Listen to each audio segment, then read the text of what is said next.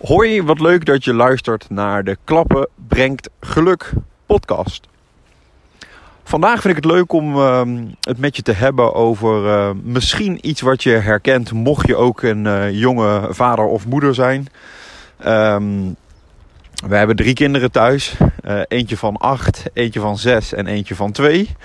En ehm, voor die oudste, dat is onze oudste zoon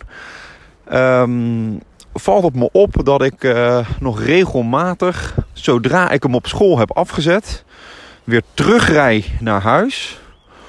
Om zijn gymspullen te pakken en dan weer een keer naar school toe te, te fietsen. Misschien herken je dat. Uh, en als je wat ouder bent, herken je het misschien van vroeger. um, en um, ja, aan de ene kant doe ik dat natuurlijk uh, heel graag voor hem. Geen enkel probleem. Uh, laat ik ook eerlijk zeggen dat zijn vader ook niet uh, uh, het meest scherp is qua op zijn spullen letten. En, dus hij heeft het zeg maar niet van een vreemde. maar oké, op een gegeven moment toen ik zo voor de twaalfde keer terug naar huis moest. Toen dacht ik, we moeten toch eventjes een keer gaan praten hoe we dit in de toekomst kunnen voorkomen. En wie is nou eigenlijk er verantwoordelijk voor? Hè? Dat hij ze, dat hij ze gymspullen meeneemt. Uh, dus nou, we hebben even uh, daar een gesprekje over gehad. En uh, met allerlei geeltjes op verschillende ramen en deuren weten we nu, oh ja, maandag en dinsdag moeten de gymspullen mee. Dus hij is nu, je zou kunnen zeggen, mede verantwoordelijk gemaakt. door ook goed te kijken welke dag is het. En uh, nou, de geeltjes herinneren ons er allebei aan dat we die tas niet moeten vergeten. Dus de, nou, ik moet zeggen, de afgelopen maand is het heel goed gegaan. Ik heb, eh, ik heb niet meer terug hoeven fietsen. Um, en uh, het sluit eigenlijk mooi aan bij een discussie die ik, uh, ja, het was het vorige week had. Met een voorzitter van de raad van bestuur van een ziekenhuis. En um, we hadden het over de functie van de Chief Happiness Officer. En mijn stelling is, uh, dat zei ik ook tegen hem. Ik zeg, joh, als je in dit ziekenhuis de financiën op orde wil hebben, dan uh, stellen jullie een uh, goede Chief uh, Financial Officer aan, hè? een CFO. Nou, die was er ook bij tijdens het gesprek. dus de dame in kwestie die knikte ook volmondig ja, van ja, dat is belangrijk. Ik zeg maar, als je nou de motivatie van je personeel op orde wil hebben. En uh, dus wil zorgen dat je eigenlijk de voordeur opengooit. Omdat je een super aantrekkelijke werkgever wordt. En de achterdeur dicht omdat niemand meer wil vertrekken. Omdat ze het zo naar hun zin hebben. Ik zeg, wie is daar dan verantwoordelijk voor? Naar mijn idee is het heel logisch om daar ook een Chief Happiness Officer voor aan te stellen in de raad van bestuur.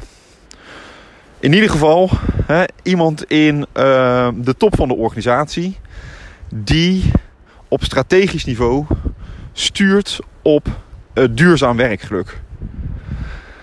En dat wil niet zeggen dat die persoon, hè, zoals ik als vader verantwoordelijk ben voor de gymspullen van mijn zoon, dat wil niet zeggen dat die persoon alleen verantwoordelijk is voor het vergroten van werkgeluk in de organisatie. Maar die persoon moet het wel mogelijk maken, moet het wel kunnen faciliteren. Uh, en daar zitten eigenlijk een aantal dingen bij, denk ik. Het begint met het werkgeluk van de raad van bestuur, van de top van de organisatie zelf. Daar goed naar gaan kijken. Want als daar veel werkgeluk wordt ervaren, dan heeft dat, heeft dat een enorm ripple effect in de organisatie. En vervolgens, als zij nog de juiste tools in handen krijgen hoe ze werkelijk kunnen bevorderen op organisatieniveau, op teamniveau, op individueel niveau. Um, zodat er gesprekken worden gevoerd op alle lagen in de organisatie over werkgeluk. Um, nou, en als je dan bijvoorbeeld ook nog eens een mooie ambassadeursgroep hebt van uh, werkgeluk coaches of werkgeluk ambassadeurs die de organisatie intrekken als een soort Gideons bende. Uh, en um, met trainingen, lezingen, workshops, uh, coaching, uh, ja, uh, echt het positieve virus verder gaan verspreiden. Zodat het ook verduurzaamt, zodat het blijft en beklijft. Ja, dan heb je volgens mij een hele, een hele sterke aanpak. Um, En ehm, nou, die voorzitter van de Raad van Bestuur zei, voordat ik dit verhaal ging houden, zei hij van... Ehm, het nadeel vind ik van, ja, daar is weer een chief. Hij zegt, we hebben al zoveel chiefs in dit uh, ziekenhuis. Een chief information officer. En nou, zo noemde hij nog een lijst van chiefs. Hij zegt, niet nog een chief. Het is, het is genoeg zo. En ergens snapte ik natuurlijk wel zijn bezorgdheid. Maar dat, nadat ik ook mijn uh, kant van het verhaal heb belicht, waarbij uh, eigenlijk zijn ja, angst of zijn bezorgdheid van als je een chief happiness officer aanstelt, wordt dat de probleemeigenaar, de probleemhouder. En gaat iedereen kijken van, naar deze persoon van nou succes. Ja, dan ik stap die zorg, maar dan steek je hem denk ik ook dus niet goed in. Hè? Dus uh, het moet een duidelijk faciliterende rol zijn, waarbij de primaire verantwoordelijkheid voor werkgeluk bij het individu zelf ligt, hè? bij die medewerker. Maar om die persoon ertoe te verleiden zichzelf te gaan leiden op het gebied van werkgeluk, heeft hij wel vanuit de top van de organisatie support nodig, de tools nodig. Dus moet dat echt wel uh, worden gefaciliteerd uh, vanuit de top.